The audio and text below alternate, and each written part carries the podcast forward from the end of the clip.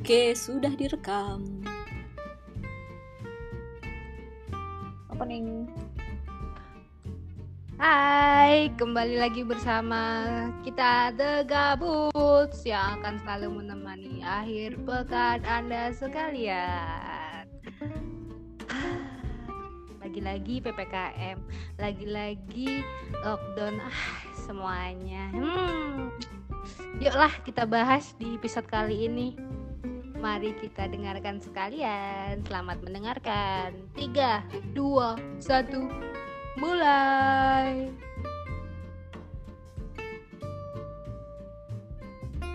Halo Bu. Titin Markutin. Wadidaw.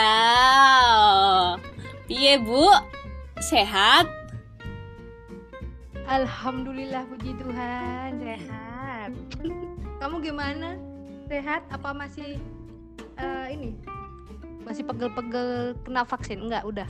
Oh, bubar, Bu. sudah sudah berapa bulan? Sebulan, tepat sebulan yang lalu saya habis divaksin begitu. Kamu gimana kamu? Percaya tidak dengan vaksin?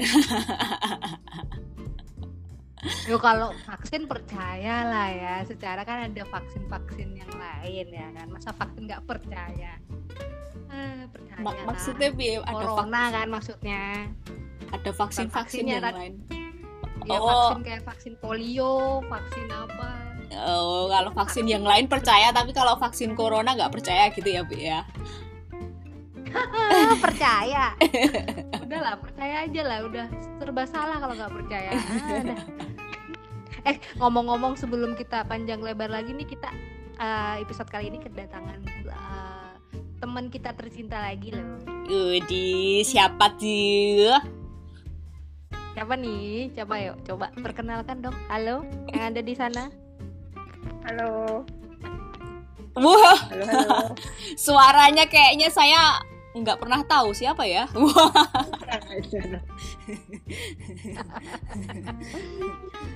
Wah. Ya ada. Gak bosen nih ngundang-undang terus nih. Oh, enggak dong ini kita ketagihan malahan makanya diundang lagi diundang lagi ya nggak peres. Hmm. Ya yeah. ada, ada siapa nih? Ada ada Bila nih. Ah, nggak nggak ini nggak seru banget nih kayaknya lemes-lemes aja nih. Kenapa nih? Ayo. Ya, Ayo tepuk tangan, tepuk tangan.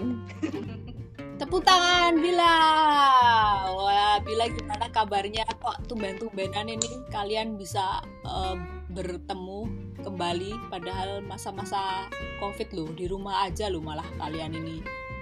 Oh iya ini di rumah ini. Titin sampai gue suruh ganti baju tuh. Kenapa Bu Titin Markutin ganti baju? Kamu ganti baju ini AVP apa kayak jenenge nggak pede APV ATV sekalian motor bu. Ngarangnya coba.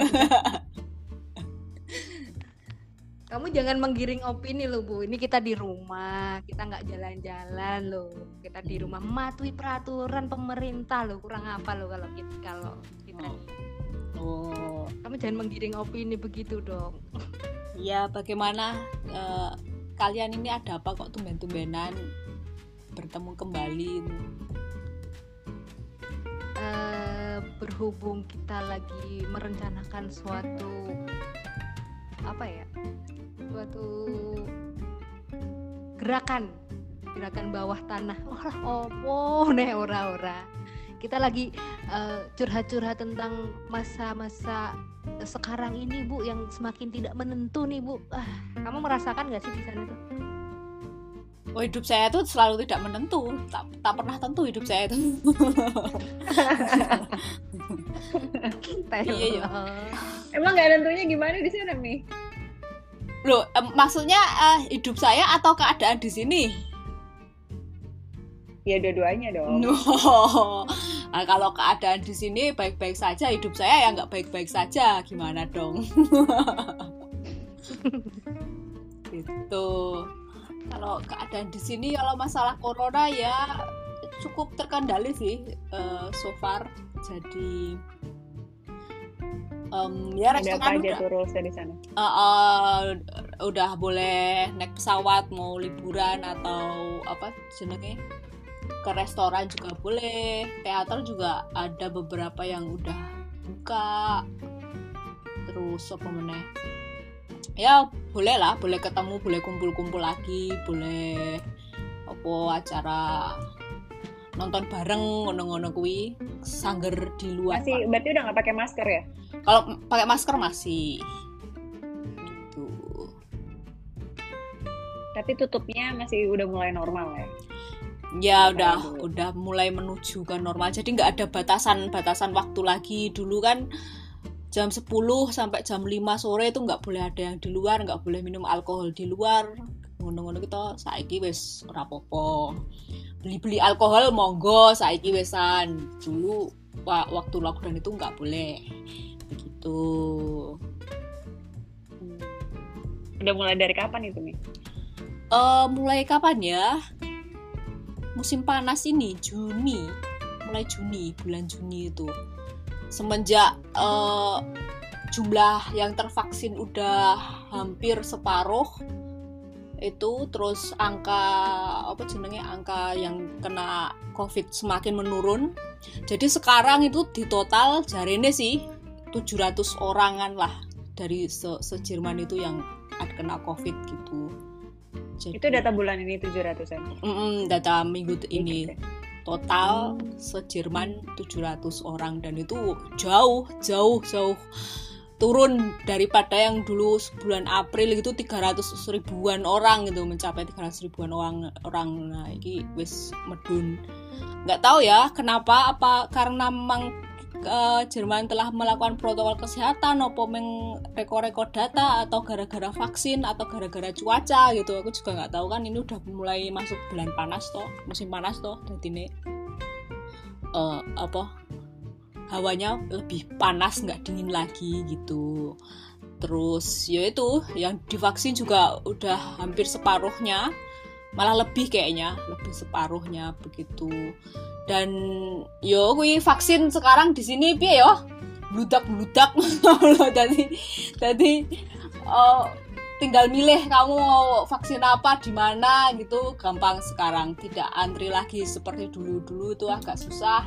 Terus cuma diprioritaskan orang-orang tua dan sebagainya. Sekarang ini anak-anak mau vaksin monggo. Kalau mau vaksin anak-anak muda juga udah apa janji apa uh, waktunya juga udah disediakan vaksinnya juga ada tenaganya juga ada. Jadi ya ini sedang sedang gencar-gencarnya untuk dilakukan vaksin di sini. Gitu. Free juga ya di sana untuk vaksinnya? Oh free dong. Nek Raffi dua kali juga kan sama kan? Iya, tergantung vaksinnya ya, tapi kebanyakan semua vaksin itu dua kali. Apa jenenge ya? Moderna, BioNTech, Pfizer itu semuanya dua kali. Kecuali satu vaksin yang itu yang aku pakai itu Johnson Johnson. Itu cuma satu kali, jadi cuma satu kali suntik, udah begitu dan saya pakai itu saya nem kebetulan cuma nemu yang itu jadi ya wes seanane atau itu namanya Johnson Johnson iya Johnson Johnson vaksinnya cuma satu kali suntik itu Udah. dari produknya mereka kalau Johnson Johnson itu dari uh, Amerika. Gitu. Kalau produknya sini tuh BioNTech. Itu dua kali. Oh. Iya. yeah tapi emang dari awal nyarinya Johnson Johnson itu. Dan aku, lebih mudah didapatnya aku nggak aku seanane bu. Jadi ya yo raiso milih. Saat itu tuh sedang oh. sedang susah gitu loh. Jadi ya udah seanane vaksinnya opo saat itu ya kita nggak nggak punya hak untuk milih nggak bisa uh, milih ngono loh. Nah saiki ini karena nggak tahu ya persediaan vaksin udah cukup bludak ya ning gini istilahnya jadi udah cukup banyak jadi bisa milih mau apa AstraZeneca BioNTech atau Pfizer gitu-gitu. Tersedia sekarang di sini begitu. Malah enak ya kalau vaksinnya cuma sekali gitu. Ya ya no enaknya no orane. Saya agak takut juga saat itu karena ada efek sampingnya loh. Johnson Johnson itu di badanmu apa efeknya? Kalau aku sih tiga hari setelah vaksin itu uh, demam yo koyo sakit koyo semacam gejala covid gitu sih. Ono agak-agak sesak nafas sedikit terus demam pusing yang jelas pusing banget. Pusing terus pegel-pegel bisa nyium bau gitu? Kalau nyium bau nggak? Kalau nyium bau nggak? Kalau yang itu nggak. Cuman demam demam terus uh, uh, ono titik-titik merah gitu di kulit kayak kayak DB gitu loh kayak kena DB gitu. Terus aku wedi ya waduh iki ngopo iki? gitu. Ya ya udah sih untungnya nggak apa-apa sudah berapa ini ya sudah lebih dari 28 hari udah sebulan. Sebulan ya jadi sudah sudah imun jari ini. Ngono. Gitulah. Kamu bagaimana? Tapi after vaksin di sana juga dikasih obat kan dikasih obat juga kan? Maksudnya di sana disediain obat gitu loh. Oh enggak. enggak. Enggak. Nggak ada. Vaksin ya wes vaksin aja. Begitu. Hmm. nah Tin Markutin tuh udah vaksin belum tuh? Ah, aduh ya ampun langsung ditanyain. Vaksin nggak vaks vaksin apa belum? Ya belum lah. Takut kamu ya gimana Bill? Kamu mau vaksin nggak? Ya kalau ada nggak ribet nggak apa-apa vaksin kan tinggal vaksin aja. For free juga nggak bayar. Iya emang nggak bayar. Iya kan dulu-dulu kan ada yang dijual juga kan, kan sekarang ternyata akhirnya free juga. Dulu ya memang harusnya sih free gitu.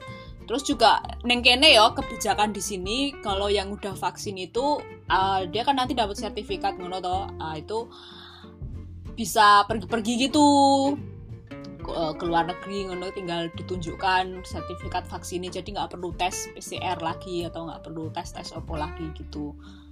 Gitu jadi, oh ya iya. Jadi kalau terus oh, kalau yang sudah vaksin juga misalnya mau ke toko mau belanja ngono-ngono tinggal memperlihatkan nganu apa sertifikat vaksinnya boleh masuk gitu. Kalau yang um, belum vaksin sementara itu sih apa jenenge harus PCR test gitu kalau mau masuk toko gitu gitu. Kalau di sini.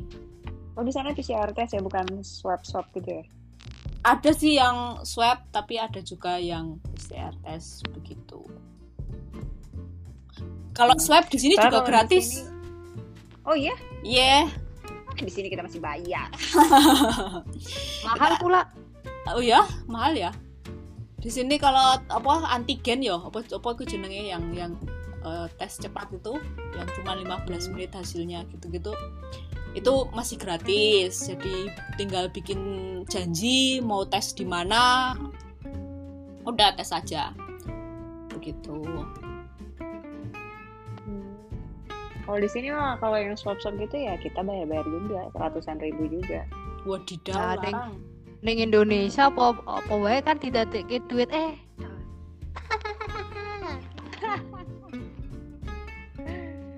Iya orang sekarang kalau PPKM ini kan dari tanggal 3 sampai tanggal 20 jalur darat kita harus swab kalau pesawat PCR harus kayak gitu. Terus kalau mau ke Jakarta mau pulang harus sudah vaksin paling enggak satu kali. Ya udah jadi peraturannya kayak gitu tapi tetap harus swab sih kayaknya juga kalau misalnya dari tanggal 3 sampai tanggal 20 ini. Jadi ya lumayan tuh kayaknya dijadiin bisnis juga tuh. Hmm. yo nek PCR bayar sih nek bikin PCR tapi nek uh, antigen apa apa gue jenenge tes cepat itu swab tes itu enggak bayar. Iya yang dicolok-colok di hidung gitu kan? Yo oh, betul. Yo kabeh dicolok-colok neng ureng eh, irong eh, ureng neng irong ya kan ada yang dulu ada yang modelnya ambil darah gitu. Oh. kayak cek darah gitu. Oh, gitu. Iya makanya. Itu sama apa genos. Tapi genos kayaknya nggak bisa semuanya deh. Kayak darat tuh nggak bisa. Genos tuh paling kayak cuma buat kereta gitu gitu oh antigen ya antigen iya. paling jenenge. Darat pokoknya harus uh, antigen swab antigen iya. terus gitu. di sini juga bisa beli test kitnya sendiri yuk dijual di toko-toko itu. Iya sama. Sebenarnya di sini juga dijual. Cuman kan kayak per boxnya gitu kan bisa jutaan juga kan. Emang sih isinya banyak. Tapi kan kita nyolok nyolok sendiri kan. Di sini cuma 2 euro. Satu oh, iya? satu kali tes iya satu kali tes cuma 2 euro. Ono sih paling kurang dari 2 euro berapa sen ya? 70 sen gitu ada. Tergantung belinya di mana gitu. Astaga murah. iya cuma 2 euro. Paling paling mahal berapa ya? 5 euro gitu gitu paling. Paling ada yang kalau yang isi tiga itu piro ya? 10 euro paling. Gitu. 10 euro ini piro? Kalau satu seket Indonesia. ewu. Ayo satu Iya. seket ewu. Isi telu. Gitu Udah isi ya udah banyak itu. isi. iya kalau tes Ini tes bisa dijual berapa? Ah, makane kuwi ra mudun-mudun angkane malah munda terus eh ketutulan. Hmm. Cuma nggak tahu kalau di Jerman sistemnya misalnya ada orang yang swab antigen positif itu langsung dimasukin datanya si COVID atau harus PCR dulu? Ya kalau antigen dia positif terus PCR toh berarti dia harus menghubungi ke rumah sakit dia harus menghubungi apa tenaga kesehatan tenaga medis. "Eh, saya antigen kok positif ini? Ya udah terus nanti akhirnya di tes PCR kalau ternyata hasilnya positif oh ya udah berarti ini positif kena corona begitu. Oh berarti langsung kan? Maksudnya langsung tahu habis dari antigen nggak nunggu beberapa hari setelah kayak misalnya tiga hari atau seminggu gitu baru PCR gitu nggak kan? enggak enggak yo kan langsung dihubungi kok maksudnya ya langsung menghubungi tenaga kesehatan nih gitu Kayak kalau di Indonesia sistemnya kayak gitu dia. Soalnya dia jadi kalau misalnya swab antigen positif langsung dimasukin data COVID di isoman atau terserah mau di wisma atlet atau di rumah. Kan itu masuk data yang COVID tuh. Nah terus nanti setelah itu baru PCR. Jadi kayak agak lama ya. Dia ada waktunya tiga hari sampai tujuh hari baru Hmm. PCR. Makanya bisa dibilang jadi ya datanya meningkat Hmm. karena baru swab aja udah masuk ke data COVID. Hmm, begitu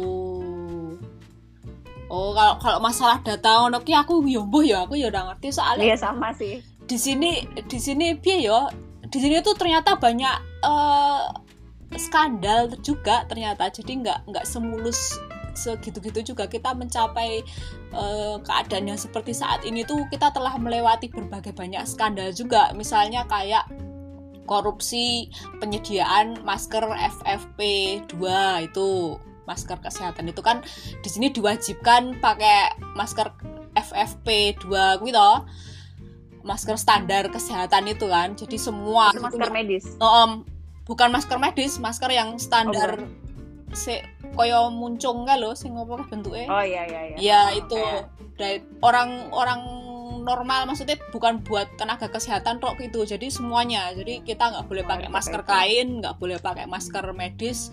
Harus kalau keluar pakai FFP2 itu masker atau KN95 apa ngono jenenge. Nah kita harus pakai masker itu. Eh, bisa dijual tapi ono juga yang dapat gratis dari tempat kerjanya ngono-ngono. Nah itu ternyata penyediaan masker kesehatan itu pun dikorupsi ngono loh. Jadi eh, pemerintah Jerman memesan gitu, dia telah memesan banyak dari Cina apa dari ngendi ngono kuwi. Neng nganu nggak dibayar gitu loh. Jadi nggak dibayar sama sama mereka, boh duitnya mlebu ngendi ngono dan itu rame juga di di YouTube ono ngono berita-berita ngono kuwi. Terus juga masalah intensif eh, apa tempat tidur, tempat apa kuwi? Bed yo untuk rumah sakit itu. Itu juga di sini penghitungannya ki yo nganu ono ono ono berita tentang ini juga pengcovidan eh, pasien gitu. Jadi gitu, oh, jadi misalnya eh, apa dari IGD-nya isinya 100 gitu mungkin yang kena COVID cuman berapa? Dua tiga orang no tapi di Tapi dadake kabeh data oh, semua. kan. kabeh adalah COVID gitu. Itu juga ada berita kayak ngono kuwi neng neng eh, YouTube ki yo ono. Ternyata berita-berita ngono kuwi dan terjadi juga ternyata neng kene. Gitu. Terus masalah apa meneh yo akeh kok beritane Kayaknya itu em- emang hampir semua negara mungkin ya yang jadi kayak maksudnya sebenarnya cuma flu gitu kan masuknya ke data covid kayak gitu. Iya, jadi mengcovidkan pasien gitu, nggak nggak kena covid aja yuk dari covid gitu loh. Oh, oh, oh. Hmm, gitu terus eh yo ya akeh lah ning ngene terus kuwi pengadaan masker ngono-ngono kuwi jadi terus juga apa jenenge eh, sekarang sih sing rada nganu eh, efektivitas vaksin sama efek apa efek sampingnya vaksin gitu kan. Karena kan yaitu ada yang ada yang nggak cocok dengan vaksinnya ngono ada yang alergi ngono sih kena efek samping dan sebagainya ngono terus saya malah jadi apa digawe uh, asuransi efek vaksin. Jadi kalau mereka yang habis. Iya? oh jadi habis habis vaksin itu nanti ada asuransi nih kudu bayar ngono-ngono lah. Jadi terus jadi uang kan jadi nggak nggak percaya kepiye gitu kan. Masuk divaksin no ono efek sampingnya yuk terus diasuransikan begitu kan. Terus mm, terus juga ef- efektivitasnya. Jadi ada juga yang dia tuh udah divaksin gitu kan. Misalnya orang udah divaksin tapi kalau dia ke daerah yang eh, varian covid gitu kayak Portugal itu kan sekarang termasuk ke varian covid ya. Di situ ditemukan kasus varian covid. Inggris suwe terus neng dimna ya ono varian covid eh nah gitu-gitu. Jadi kalau habis dari negara itu meskipun dia udah divaksin kembali ke Jerman gitu dia harus karantina juga 14 hari gitu loh. Jadi terus uang kan jadi nah apa gitu kan. Aku ki wis vaksin nih gitu kan. Kok isi tetap di, di karantina gitu. Karena dia apa datang dari daerah yang no variane gitu ada ditemukan varian covid gitu. Jadi terus kan orang bertanya lah iki efektif vaksin ngopo gue ngopo? Ya aku Oh, aku wis aku wis vaksin kok tetep wae sih iso kena resiko lanjut gue ngopo vaksin nah ora ono gunane gitu kan. Jadi itu juga yang dipertanyakan di efektivitas eh, vaksin terhadap varian. Ngono kuwi. Jadi ya itu sekarang banyak juga sih ning kene orang yang kayak nggak percaya gitu lagi dengan dengan pemerintah dengan masalah covid covid ini bukan nggak percaya dengan covidnya ya tapi nggak percaya ya, sih. Eh, eh, tapi nggak percaya dengan sistemnya segala macamnya kan? Betul nggak percaya dengan bagaimana mereka menangani covidnya itu. Terus akhirnya ya mungkin ya kalau kalau orang sekarang kalau orang Jerman sekarang wis percaya dengan eh, vaksin mungkin bisa jadi sekarang hampir 100% mungkin ya sekarang iso iso di divaksin. Karena memang saiki wis nggak apa untuk memperoleh vaksin tuh gampang sekali gitu loh sekarang untuk saat ini di Jerman. Tapi ya mungkin karena beberapa ada yang nggak percaya ya karena itu karena pemerintah malah memanfaatkan situasi dan sebagainya ngono. Akhirnya yo ono sing percaya juga dengan vaksin ada yang takut juga ada yang merasa ah wah ra penting gitu. Ada yang merasa ah, nggak mau ngono-ngono. Kuwi ono sing ngerasa oh kuwi meng apa eh, nggak ada gunanya dan sebagainya vaksin gitu. Jadi ya agak tersendat gitu loh. Terus akhirnya yo itu nggak nggak banyak yang mau cepat-cepat untuk divaksin. Begitu Iya, tapi kan mau nggak mau kan sekarang kita dituntut untuk vaksin kan kayak misalnya ke Jakarta doang aja harus udah vaksin minimal satu kali. Kayak gitu kan mau nggak mau kan kita kalau misalnya yang emang harus ke Jakarta atau ke mana kan mau nggak mau emang kita harus vaksin jadinya. Jadi dituntut sama mereka. Sedangkan temen gue sendiri yang udah vaksin aja kemarin masih kena COVID sebenarnya. Emang sebenarnya emang bukan jaminan sih kalau kita vaksin juga kan. Mau vaksin apa pun itu jenisnya mau vaksin apa kayak polio belum tentu vaksin cacar belum tentu kita nggak kena cacar lagi tapi maksudnya jadinya yang dituntut tuh apa sebenarnya Hmm. Nah ya itu makanya sekarang eh, kemarin juga kan aku kan juga gitu aku ikut vaksin karena ya nek mau ke mana-mana eh, harus menunjukkan vaksin tak apa sertifikat vaksin itu Eh, kan eh, eh, kalau enggak ya harus PCR test nah, PCR test mahal gitu kan PCR test iya lebih mahal. 70 euro apa 80 euro lah sekitar gitu sementara vaksinnya gratis lah ya mending vaksin atau gitu jadi yo ya gitu Iya kayak kita di ya dituntut untuk ke vaksin itu kan. Terus nanti Mm-mm. juga ujung-ujungnya misalnya kayak kita nggak cocok sama vaksinnya nanti ada obatnya apa segala macam kayak gitu. Iya kayak neng ini juga ada asuransi ada asuransi atas efek samping vaksin gitu. Terus orangnya jadi ha gitu. Terus Ya iyalah kayak lucu oh, jadinya. oh, terus terus juga kemarin aku pernah baca kayak ada jadi ada vaksin lagi vaksin di atas vaksin. Jadi setelah vaksin covid ada vaksin lagi itu untuk eh, menangani efek sampingnya dari vaksin covid gitu. Jadi eh, kepiye? Gitu.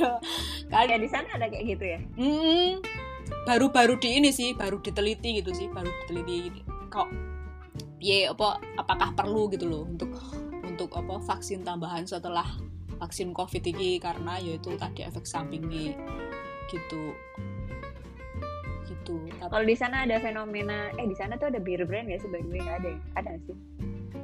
ya yang obat-obat anti vaksin gitu-gitu ya Bukan bukan. Jadi kalau Eh. di sini tuh kayak beer brand diborong. Jadi seolah-olah tuh beer brand tuh bisa buat imun tubuh biar kayak covidnya tuh nggak makin parah atau nggak kena covid bahkan. Jadi bener-bener diborong sama orang-orang gitu loh. Jadi kayak Oh. panic buying semuanya orang-orang di Indonesia.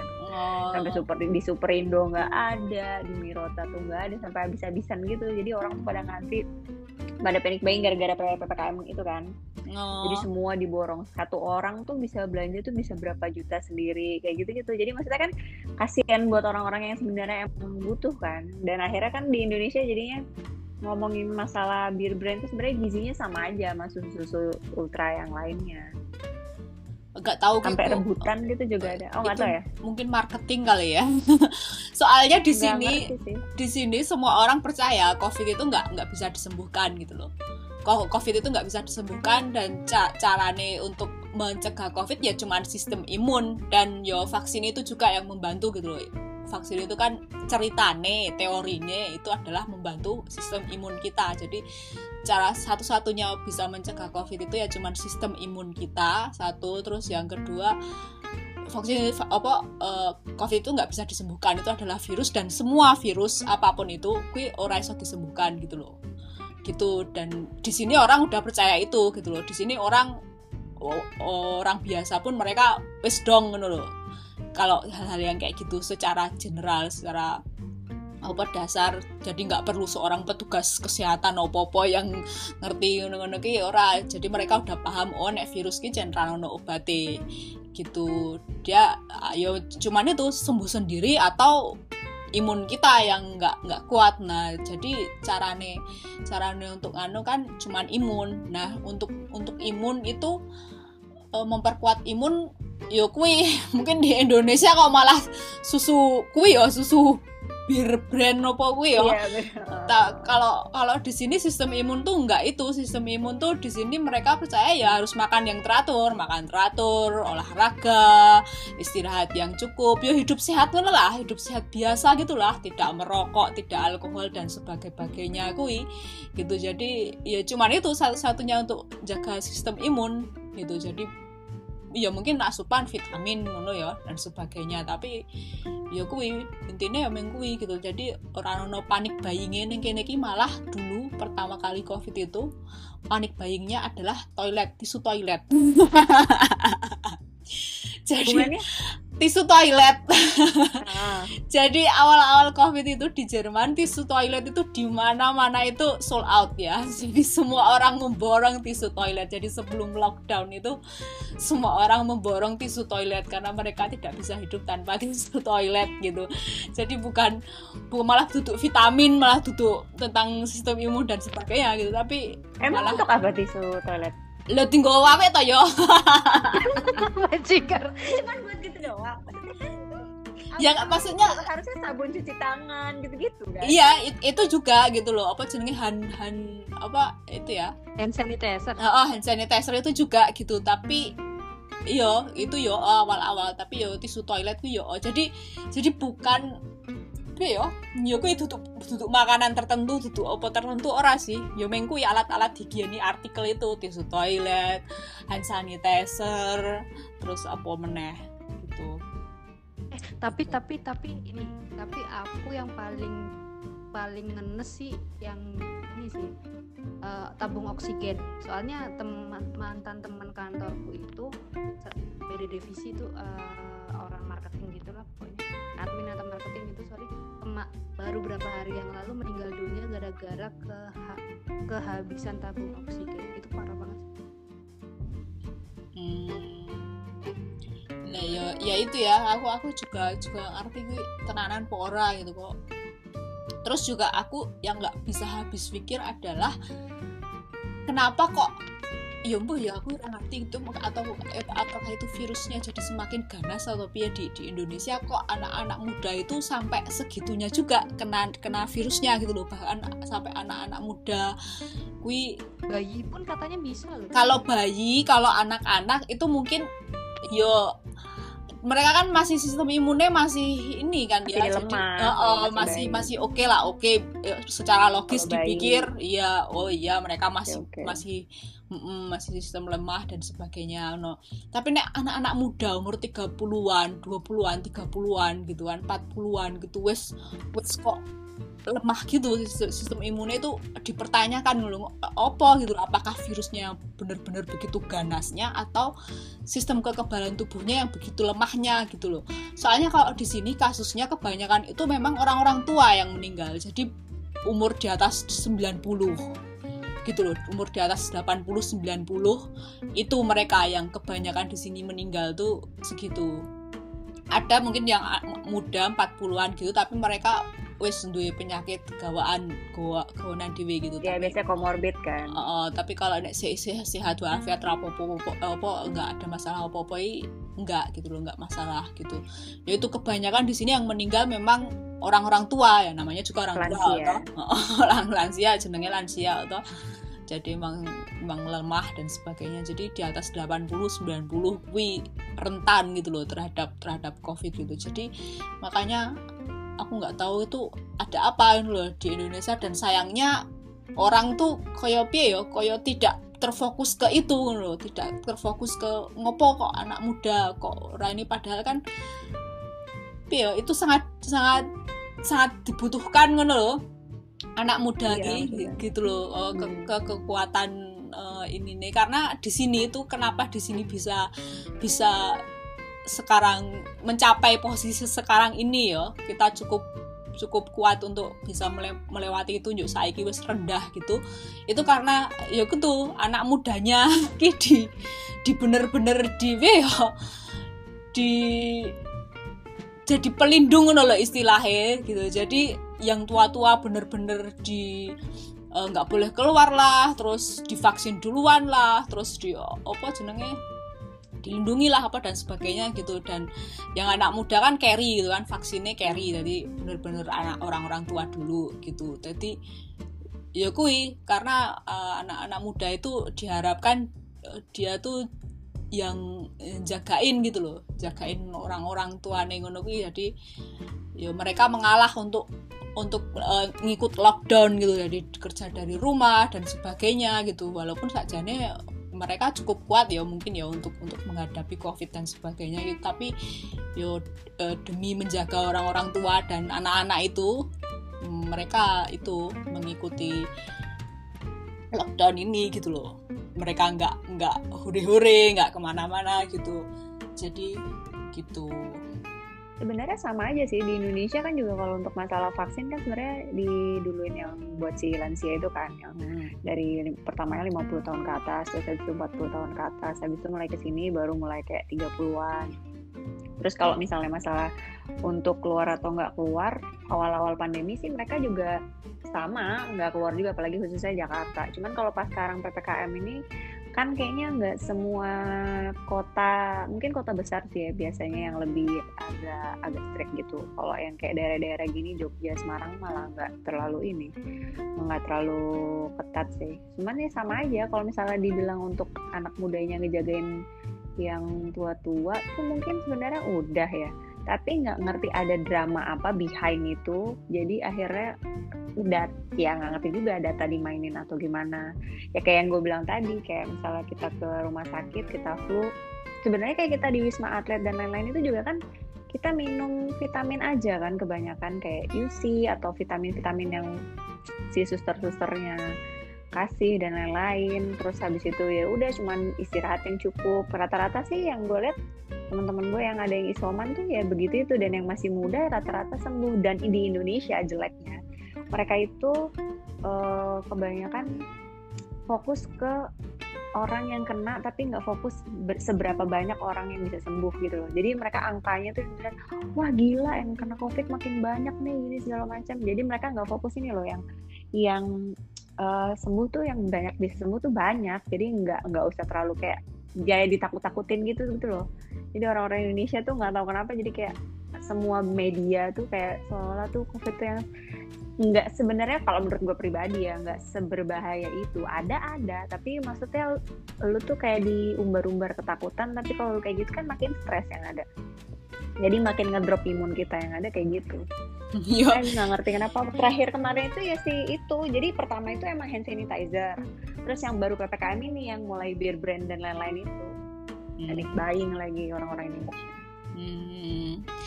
Ya itu. Jadi emang so- solidaritas ya. Jadi karena ya, ya mungkin anak-anak muda nggak apa-apa gitu mereka kena covid. Tapi yang ditakutkan adalah nih anak-anak muda juk menularkan uh, orang-orang tua dan anak-anak gitu kan, anak-anak kecil gitu yang yo imunnya masih lemah. Oh yang imunnya masih lemah gitu. Makanya ya itu tadi di sini di sini nggak nggak boleh ketemu gitu loh. Makanya kenapa aku oh bener-bener bener-bener keluarga gitu? Nggak boleh nggak Kalau boleh ketemu. Jadi sendiri sendiri gitu? Iya, jadi nggak boleh mengunjungi. Kalau di sini kan ada panti jompo ya, panti, panti jompo tadi itu keluarganya nggak boleh men- menjenguk ke panti jompo dulu ya waktu lockdown itu. Nggak boleh ke panti jompo, terus ya ketemu keluarga itu nggak boleh. Jadi ke rumah mertua, ke rumah nenek kakek mengunjungi ngono ki ora oleh gitu. Jadi nggak nggak boleh ada pertemuan antara cucu dengan nenek kakeknya itu nggak boleh gitu selama selama lockdown itu. Gitu. Terus kalau semisal yang emang udah satu rumah ada keluarga ada bapak ibunya gitu udah ada anak itu gimana? ya kalau kalau udah satu rumah ya meneh gitu. Yang nggak boleh yang nggak boleh. Itu kan kalau dia beda rumah gitu kan. Dan ya di sini kan mungkin beda ya life eh, lifestyle-nya ya. Nek nek Indonesia kan se- sekeluarga ono ya ono ono si bae ono anake ono mertuane dan Iya. sebagainya. Kalau di sini kan nggak begitu dia udah dewasa minggat ngono lho saka ngomahe tinggal dewe-dewe gitu kan. Nah ya. ya jadi, jadi ya itu jadi ya udah nggak nggak ketemu gitu loh untuk untuk sementara. Ra iso ketemu karo wong tuane mengunjungi mungkin- neneknya. Ya mungkin itu juga sih salah satu faktornya. Dan mindset sih menurutku juga.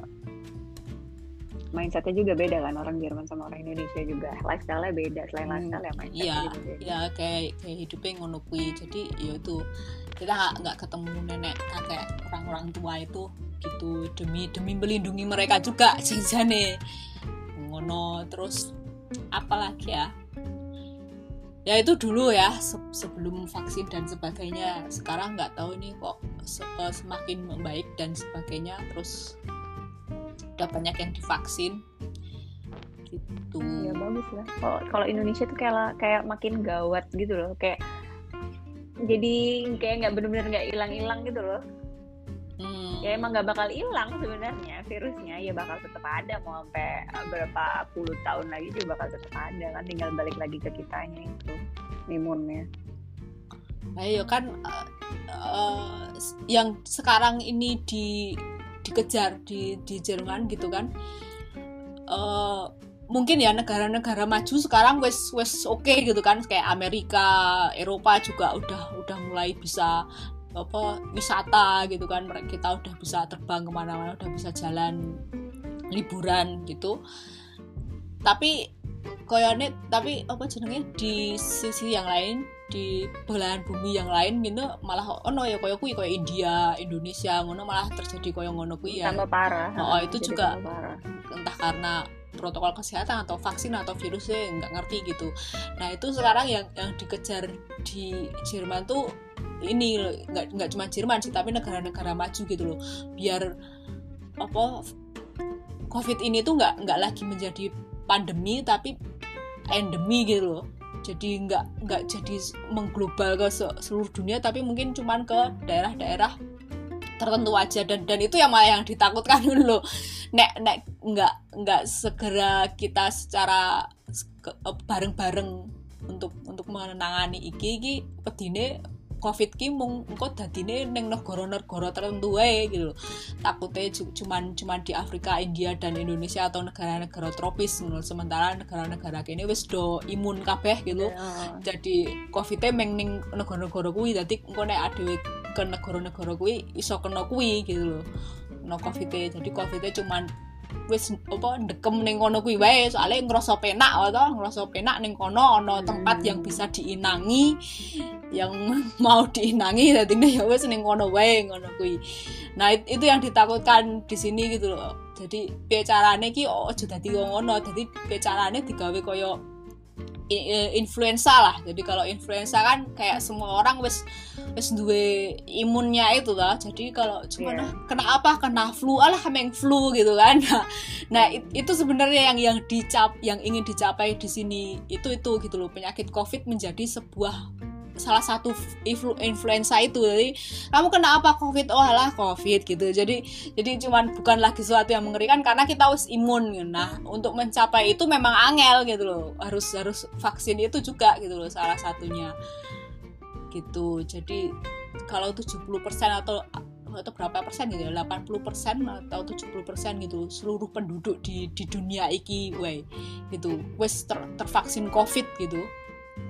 Gue iso kok menuju ke ke kui gitu loh. Menuju ke uh, covid sing ora terlalu ngeri gitu. Jadi covidnya digawe dijinakkan jadi kayak influenza gitu minimal sih itu gitu 70 sampai 80 persen makanya kan uh, vaksin ini sekarang kita sedang gencar-gencarnya untuk di didistribusikan ke negara-negara berkembang menuju Amerika, eh, apa Afrika, Indonesia, India dan sebagainya. Gitu. Eh, ning kene kan wes ya itu wes wes ngimplah-ngimplah jumlahnya wes turah-turah ngono lho tapi di sana kalau mau vaksin gitu dibikin ribet gitu kan. Misalnya kayak ada syaratnya lo harus bawa enggak. misalnya dua lansia kayak apa enggak. gitu. Enggak. Awalnya sih awalnya ketika jumlah vaksin masih terbatas memang ya awalnya gitu. Harus opo kamu menunjukkan ini umurnya berapa gimana bikin janji dan sebagainya. No tapi sekarang karena ya itu tadi wes orang-orang tua itu sudah banyak yang tervaksin, terus tenaga tenaga medisnya juga udah yang tervaksin gitu banyak yang tervaksin. Terus dan jumlah uh, vaksinnya juga sekarang wes kimplah kimplah istilahnya gitu. Jadi saya wes bahkan Biasa ada aja, ya, oh, oh jadi apa bisa spontan Tinggal gitu datang, juga. antri udah selesai. wes nggak nggak pakai antri nggak pakai apa tinggal milih kamu mau vaksin apa eh ti- nggak apa bikin janji bikin appointment terus eh, divaksin di mana terserah. Jadi di universitas juga membuka vaksinasi di Mm-mm, terus dengan dia rumah sakit jelas. Terus apa jenis mau meneh Ah, praktek dokter praktek dokter juga mereka udah membuka vaksinasi. Jadi tinggal nyari mau dokter di mana nanya buka vaksin nggak? gitu. Bisa bikin janji langsung ke dokter-dokter gitu gitu. Iya enak berarti maksudnya nggak nggak begitu ribet kan? Kalau di sini tuh masih masih ribet gitu. Itu atau awal-awal ribet tuh berjalan berapa minggu berapa, berapa bulan? Bulan berapa bulan ya? Jadi itu sejak pertama kali vaksin disahkan diresmikan diizinkan untuk divaksinkan gue kan Januari ya sekitaran. Jadi setelah Natal itu Januari Januari Februari Maret April Mei ya lima bulan empat bulan lima bulan lah empat bulan Oh, iya, itu bulan masa-masa ribetnya itu. No, oh, itu masa-masa khusus untuk orang-orang tua dan tenaga-tenaga medis dan untuk yang bekerja di bagian eh, esensial. Jadi ini juga menarik juga bagian esensial ki opo padahal janjinya gampang banget loh. Jadi pekerja esensial itu cuman eh untuk apa jenengnya? kebutuhan pokok kayak listrik, eh, eh, rumah ya, listrik, terus air, terus makan. Jadi mereka yang yang bekerja di hal-hal kebutuhan pokok iki itu yang namanya esensial, wes gitu loh. Lia liane ki ora kayak dodolan pakaian elektronik ngono kuwi ki ora esensial gitu loh. Jadi tuh itu nggak penting dan sekarang di Indonesia kan jadi bingung toh iki esensial Iya. ora iki iki esensial ora malah do bingung dewe-dewe iki kepiye gitu kan padahal esensial itu gampang yang penting kue iso mangan ono listrik atau ning omah. Ono banyu mangan listrik wes gitu loh. Jadi ya, ya itu kebutuhan esensial tuh cuman itu gitu loh. Si, si liane ora gitu. Terus juga masalah eh, apa kerja dari rumah gitu. Padahal pekerja kantoran itu harusnya sih walaupun dia bekerja di daerah yang esensial gitu. Nek misalnya yo kamu kerja di daerah uh, kamu kerja di bagian bahan makanan. Neng kue bagian admin nih bagian ngitung-ngitung apa jenenge ngitung-ngitung uh, bon misalnya mengono kue kan iso di, di, di, dikerjakan di rumah gitu iya. Ya ngopo kok ora dikerjakan di rumah? Wae nek nek bagian ngedoli lah mosok ngedoli panganan kok. Nek saka ngomah kan ya ora mungkin to ngedoli ning supermarket tak ya kudu supermarket ngedoli gitu kan. Nah jadi jadi itu janjane logikane ngono sing iso dikerjake ning omah ya dikerjake ning omah ngono. Sing sing ora iso ya kayak itu tenaga kesehatan kan ra mungkin. Mosok apa ngurusi pasien oleh ngomah jualan. Nah apa oh, nganu supermarket pegawai supermarket maksudnya ngomah kan mungkin ya kudu supermarket ya gitu. Jadi ya itu. Jadi yang yang bisa dikerjakan di rumah ya harus di rumah. Jadi bukan berarti kamu pekerja kantoran tapi karena kamu bekerja di uh, apa misalnya pabrik Indomie ngono. Ya Indomie memang makanan tapi kan kamu cuma bagian kantornya itu. Kamu cuma bagian ngurusi ngitung bone apa ngurusi apa nih kan itu bisa dikerjakan di rumah. Ya wes kayak ngomah gitu loh. Jadi dan Indonesia bingung oh, saya kan kerja di bagian makanan. Lah gue kan menghitung bone gue kan ra, ra ngedoli panganane loh kan bisa digawe kayak ngomah gitu. Jadi iki bingung ya iki esensial po ora iki apa? Jadi ini malah bingung bingungi dewe loh jadi menurutku yo Indonesia kesenangan ngono gue yang yang nganut yang harus harusnya dibikin simpel gawe ribet dibikin ribet iya emang. dan tidak rampung rampung nih covid ini kepiye? Lo ngomong padahal intinya kan itu kan cuman agar kita tuh orang kumpul-kumpul ngono lho. Ben ada kira mm-hmm. menekan mobilitas jadi ora mm. ora kakean metu-metu ora lunga-lunga nang ndi wis ngomah wae. Sing perlu banget kuwi yo kuwi mau kerja ning bagian pelistrikan. Mosok sing tukang listrik PLN ngono mosok kerja dari rumah kan ya mungkin. Yo kudu ning pabrik PLN e ngopo ngono kuwi dandani gitu kan. Atau mungkin ya itu tadi supermarket juga ngedoli kan dia butuh uh, ngejual makanan gitu. Atau mungkin ya juga penjual bahan sembako gitu. Yo iso iso ning ngomah suka ngomah tapi ono sing sing kudu ning pasare gitu yang barang-barangnya ono ning ning anune gitu kan. Ning uh, nggone ning rupone gitu. Yo yo wis piye kudu ning rupone gitu.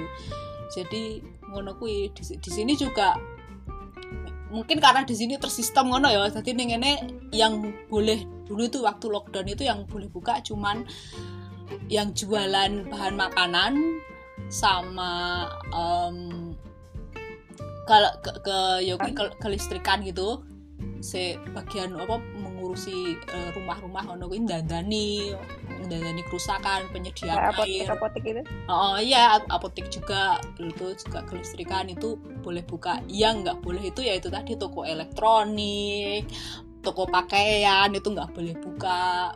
Terus toko pernak pernik apa meneh. Wan iya loh. iya kayak kayak gitu. Yang bukan kebutuhan pokok kan? Iya ya yang kebutuhan pokok yang cuman itu itu ya mungkin sistemnya di sana tegas juga sih soalnya rulesnya mereka kan maksudnya emang kalau lu nggak boleh keluar ya nggak boleh keluar. Misalnya nanti dikasih sanksi ya beneran dikasih sanksi. Kalau di Indonesia kan nggak gitu. Iya ya itu juga. Terus ya yo. Um, neng kene juga ono bantuan juga sih jadi ah, orang kayak ya kayak oh, jadi kayak nggak khawatir gitu. Jadi kalau kalau sebuah perusahaan ya kita kena kena ini gara-gara covid bisa mengajukan uh, bantuan ngono kui gitu. Dan dan jelas ngono jelas kilo tentang ini ini kita perusahaan di bidang ini dan kita tentu nggak boleh buka. Jadi ya ngono ngono kui on uh, iso iso mengajukan bantuan ngono kui nah neng Indonesia kan ya boro-boro gitu kan mau mengajukan bantuan sing sing isolasi neng omah we ora ono bantuan. Apa meneh sing sing gitu. Iya enak berarti. Maksudnya di sana pemerintahnya ibaratnya selain tegas dia juga ngasih solusi gitu loh ngasih iya. bantuan. Kayak iya. kalau di sini tuh ya begitu itulah dari dulu Indonesia. Jadi menanganin covid yang kayak gini tuh jadi susah jadi malah ke mana-mana urusannya iya iya iya itu. Begitu. Memang oke yo yo itu wes wes salah sekolah awalnya mungkin ya atau gimana. Jadi ti- tidak ada sistem sistem yang terbentuk untuk Indonesia. Terus juga yang saya saya sayangkan juga di, di Indonesia ini kepadatannya kan yo neng neng Yogyakarta ya toh Jakarta dan Jawa aja toh. Jadi yang covid itu yang benar-benar covid ngeri itu kan ya cuma Jakarta dan Jawa aja jangan-jangan gitu loh Eh, ya Bali mungkin juga Bali gitu. Terus eh, seolah-olah sa, sa Indonesia gitu kan sing sing eh, kena imbasnya. Padahal mungkin Sumatera Kalimantan ngono kuwi kudune rapopo ngono ning yo kuwi goro-goro Jakarta heboh dadi ini kabeh melu heboh gitu. Padahal piye yo? 300 ribu ya aku aku baca sekarang eh, yang kena covid gitu.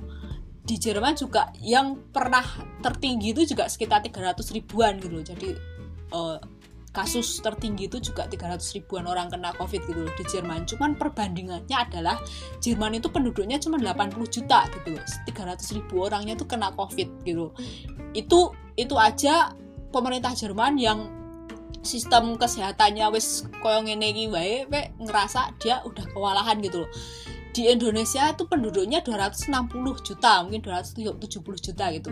300 ribu orang gitu kena kena covid itu kan cuman kayak satu banding seribu toh. Jadi dari seribu orang itu satu orang aja yang kena covid. Kue Indonesia wis merasa kewalahan gitu.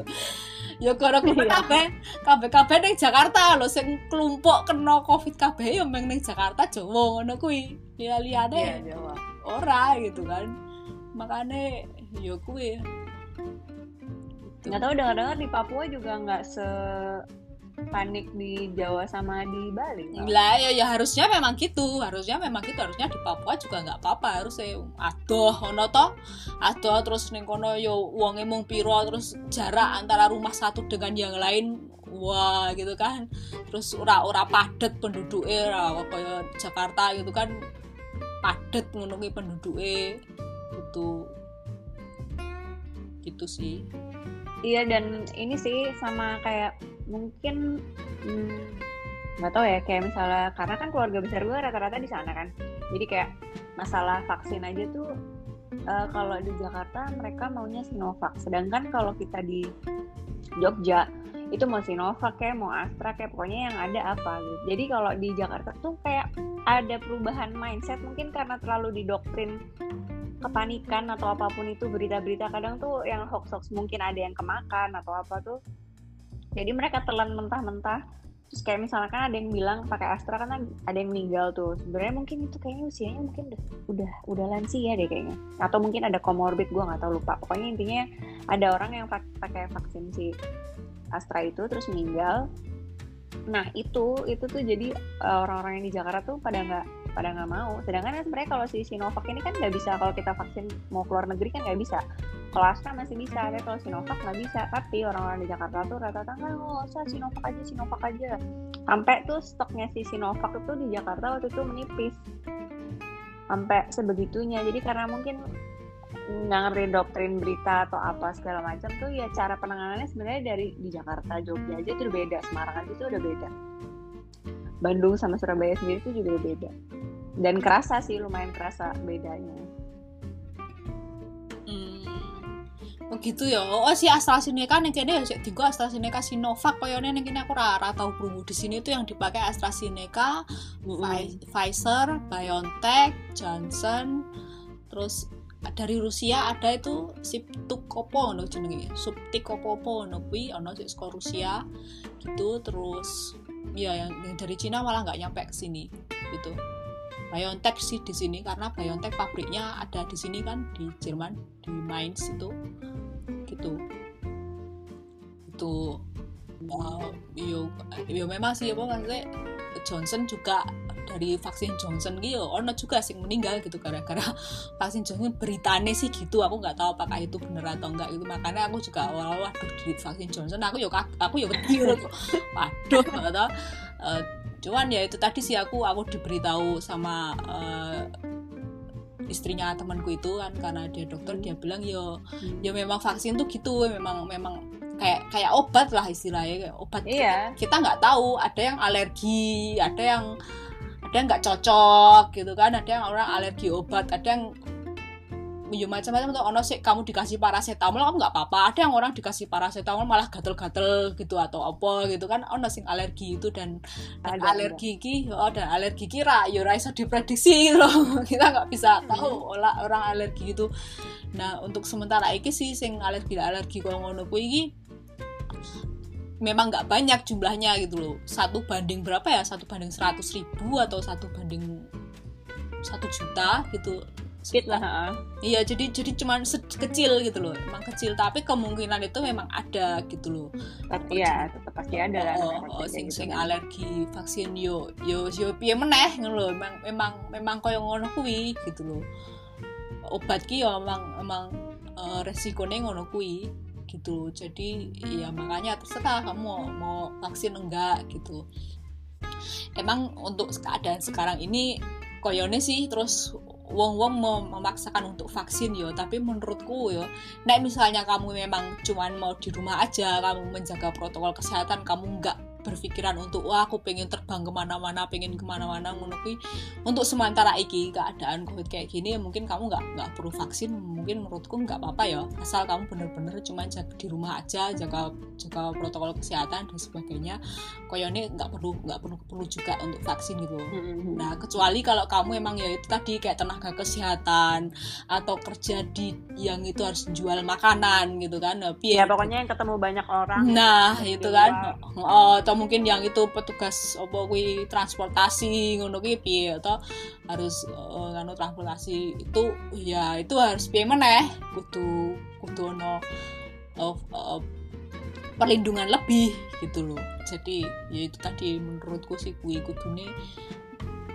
itu yang diprioritaskan sih kuwi bener-bener sing orang-orang tua karo petugas-petugas itu kesehatan itu itu Iya, cuman maksudnya eh, ya di Indonesia mungkin agak-agak bukan open minded juga sih orang-orang yang jadi kayak ya mungkin kayak sama sih kebanyakan orang di Indonesia kayak misalnya nerima, berita apa kan kadang langsung ditelan mentah-mentah. Jadi kadang ada yang langsung terlalu percaya 100% dan lain-lain jadi kayak tanggapan tanggapan tanggapan gue sama keluarga gitu kadang suka beda gitu loh.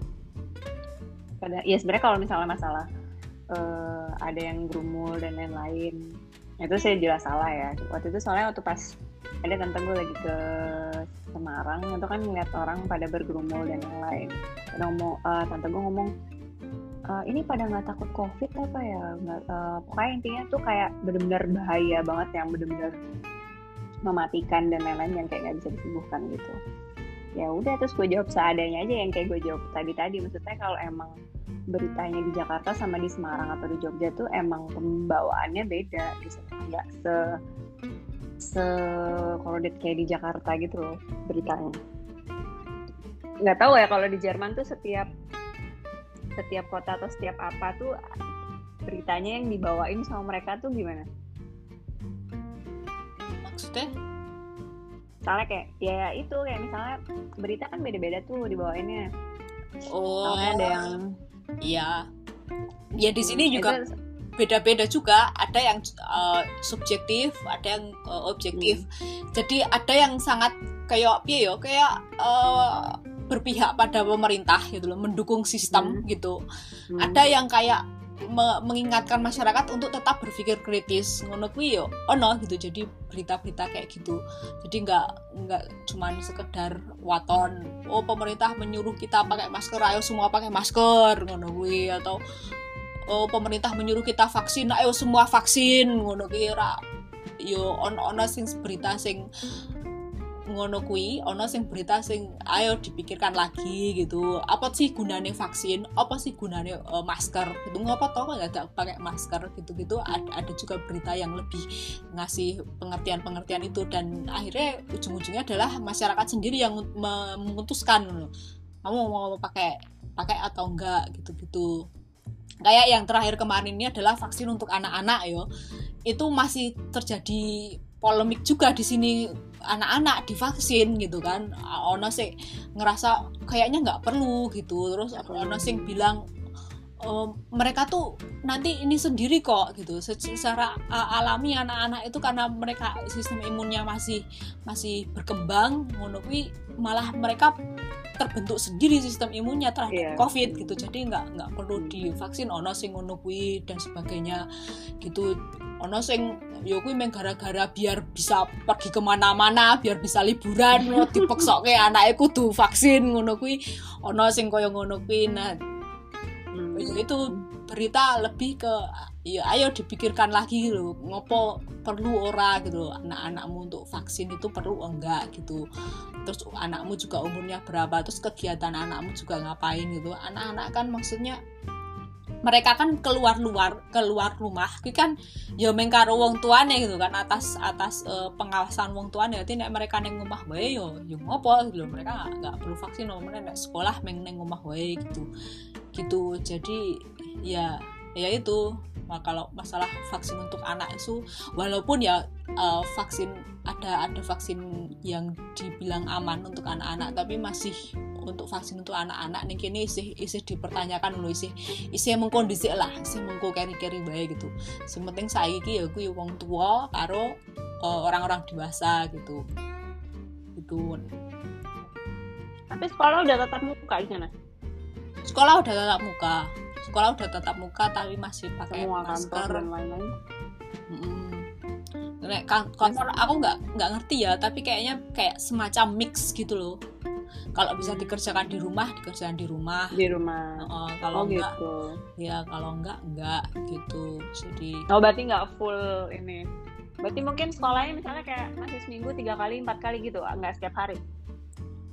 Nggak tahu ya sekolahnya piye tapi aku delok i wis delok ono cah-cah sik do mlebu sekolah ngono ki aku wis weruh ngono. Do do numpak bis numpak tram mangkat sekolah ngono kuwi aku wis weruh kuwi tapi aku ora ngerti apakah mereka berangkat uh, ini seminggu terus apa ora ngono kuwi aku nggak tahu.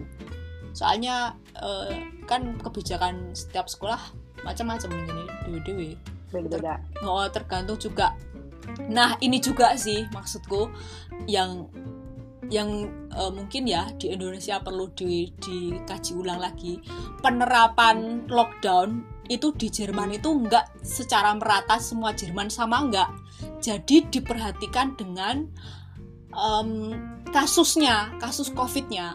Kayak dulu tuh di daerah Munchen itu tertinggi pernah tertinggi di Jerman paling tinggi tuh dulu tuh di Munchen. Di situ tuh daerah Jerman yang lain belum lockdown kono wis lockdown disian gitu loh. Jadi wis wis terus rodok suwi juga gitu loh lockdownnya kono ki wis rodok suwi gitu. Jadi ya kui karena kasusnya mereka di sana emang emang sedang uh, ini dur-dure ngono kuwi. Dadi kui oh, lockdown duluan dan ya wes gitu. Kita ngerti kui gitu. jadi bener-bener terus juga orang nggak boleh masuk situ nggak boleh keluar dari situ ngono tetap di ngono kui gitu. Terus ada juga sekarang ini di Jerman ada berapa ya? Dua kota atau atau berapa ya? Itu yang udah bebas nggak pakai masker karena nol udah nol corona. Itu ada di Jerman sekarang. Nah tapi ada beberapa yang masih pakai masker ngono. Dan ya itu ter tersah masing-masing ini nih jadi karena di situ emang kasus covidnya ranono ya wes orang nggak perlu pakai masker gitu loh. Nah di Indonesia kan koyone piye toh? Ppkm gitu. Nek didelok gitu loh. Jakarta piro kasusnya Jogja piro kasusnya gitu kan. Jadi kan nggak harus terus semuanya bareng-bareng uku pulau Jawa gitu oh, kan. sepulau Jawa lockdown KBE sih kayak to didelok. Jakarta ki piro jumlahe Jogja ki piro? Atau Surabaya piro? Bali berapa? Madura berapa? Ngono kuwi. Misalnya ya kayak Papua ternyata Papua nggak ada kasus covid gitu cuma satu dua orang. Ya ngapa tidak mau anggo masker? Ya wes rasa anggo rasa anggo masker atau yang penting dijogo benar. Hmm. nggak boleh ada yang masuk Papua gitu. Beres beres gitu kan. Nah, saya kan ngono ppkm kabeh Jogja harus melu kayak Jakarta ppkm nggak boleh ini di di sana loh Jogja itu berapa jumlahnya gitu kan. Masih bisa menangani enggak iya mungkin sekarang di Jakarta sampai budak-budak ngono yo Jakarta memang harus harus bener-bener ini ppkm mungkin ya gitu. Jogja nggak tahu rumah sakitnya piye? Apakah masih bisa menangani atau enggak? Apakah harus bener-bener komplit total ppkm koyo nih Jakarta atau cuman ya udah apa uh, batasan waktu wae jam segini sampai jam segini nggak boleh ngono atau jam segini ya. Kan itu harus harus di ini loh jadi kalau di Jerman tuh gitu. Jadi orang juk kabeh kudu Tahu-tahu di lockdown oh semua. gitu harus kayak harus ngikutin Berlin semua juga enggak eh, dilihat dilihat kasusnya di masing-masing eh, kota gitu kota Mm, jadi lockdownnya juga masing-masing kota. Jadi bener-bener skala skala kecil kan loh, bener-bener yang dimaksud mikro-mikro ki ya ra- region regionnya gitu loh. Gitu mungkin mungkin cuma Berlin aja yang misalnya karena kasusnya lagi tinggi Berlin yang bener-bener lockdown. Kalau daerah lain karena nggak begitu tinggi nggak begitu gitu. Gitu. Nah makanya kalau di Indonesia aku nggak tahu ya. Iya harusnya sebenarnya bener sih harusnya sistemnya kayak gitu. Iya kok koyone terus kabeh kudu melu Jakarta. Iya. jumlah iki jumlah totalnya piro lho Jakarta itu berapa? 300 ribu orang se-Indonesia. Jebule 300 ribu orang se-Indonesia, rong atus sewu tok iki ning Jakarta tok. iya Saya satu sewu ki tersebar ning ndi rong atus sewu ning Jakarta tok. Ayo, ayo piye? Nah, Dadi iki lah kepiye? Ya wes ya berarti sih kalau corona di Jakarta tok orang atus sewu dan dari 300 ribu itu 200 ribu covidnya itu di Jakarta 100 ribu nih neng tersebar neng Jawa liade ya kan kita kan nggak tahu makanya itu ya jumlah covid iki ra iso ning Indonesia di ngono kayak 300 ribu. Se, se Indonesia ki lah didelok dhisik gitu loh. 300 ribu tuh tapi di berapa di mana di Jogja aja. tuh kat- Mm-mm. tapi di Jogja tuh katanya rumah sakit rumah sakit bilangnya sih penuh ya cuma nggak ngerti penuhnya tuh bener-bener penuh yang soalnya waktu pas kapan itu jadi kan aku punya suster. Nah suster aku tuh cerita juga dia ke, ke rumah sakit ke dokter anak gitu ya. Ya dia bilang dokternya juga ngomong ya ya biasa kayak begini penuh gitu. Maksudnya bukan yang pengep kayak di Jakarta kan lah ya Jakarta kan ada tenda-tenda segala macam itu kan tenda sampai di jobo ngono kuwi. Mm-mm. jumlah 300 ribu orang covid itu tuh berapa di mana? Loh 300 ribu orang jangan-jangan itu cuma di Jakarta doang loh. 50 ribunya tersebar di kota yang lain beberapa kota eh, 300 ribu netok kan di Jakarta. cuma nggak tahu kalau di berita-berita tuh dibilangnya juga ada beberapa kayak Jogja Semarang gitu ada beberapa wilayah kayak misalnya katakanlah eh, Jogja Utara gitu misalnya ada bagian zona merah bagian sini enggak. Jadi ya tetap titik-titiknya tuh sebenarnya tersebar. Lah jadi iya. nggak Jogja full merah gitu loh. Lah yo makanya jadi ya tadi kutune gitu. Tin diem aja Tin. Tidur gua. Aduh. ya ini ngomong-ngomong ini ngomong-ngomong intinya. Masalah intinya tahu nggak? Apa intinya adalah ini mau idul adha ya. Berhubung nggak bisa buat umroh tuh duitnya buat ditilep udah kan. Makanya di ppkm iya. Yang ini bisa dipotong nggak nih? Ntar aku kena nih. Enggak lah nggak kepotong lah. Lu siapa juga? Oh iya ya aku siapa gitu kan. Tapi kan sekarang udah ada undang-undang ini apa namanya? Undang-undang apa tuh? Eh. Ah. ya udah ya udah. Daripada ntar kena polisi ini polisi dunia maya ya. Yuk kita tutup Iya, jadi begitu masalah eh, COVID ini ya. Semoga eh, Indonesia, ya yo, nggak tahu aku mau gimana ya sama Indonesia. mau, mau, mau, mau, semoga cepet hilang eh semoga cepet membaik tuh sistemnya dulu dibenerin ngerti gak sih semoga orang-orangnya pada sadar gitu ya udah nggak usah pada eh, jadi ini apa namanya lahan basah lah pak. Udah pak. Saya nganggur nih pak. Ya allah nggak kasihan sama gua pak. Ya makanya kan mereka nggak ngasih nggak ngasih kayak ibaratnya nggak ngasih apa sih namanya sangon gitu lah ibarat. Jadi cuman ya udah ditutup semua tutup. Kayak yang di salon-salon di mall gitu kan apa mereka mikir kan enggak sedangkan mall harus ditutup segala macam harus ditutup. Nah gimana coba tuh? Iya, begitu.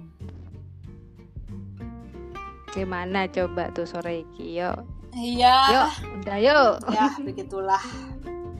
Memang kita tidak mungkin saat ini kita tidak bisa ya memasrahkan eh, kepada sistem dan sebagainya gitu jadi iya ya udah berdoalah kepada Tuhan yang Maha Esa.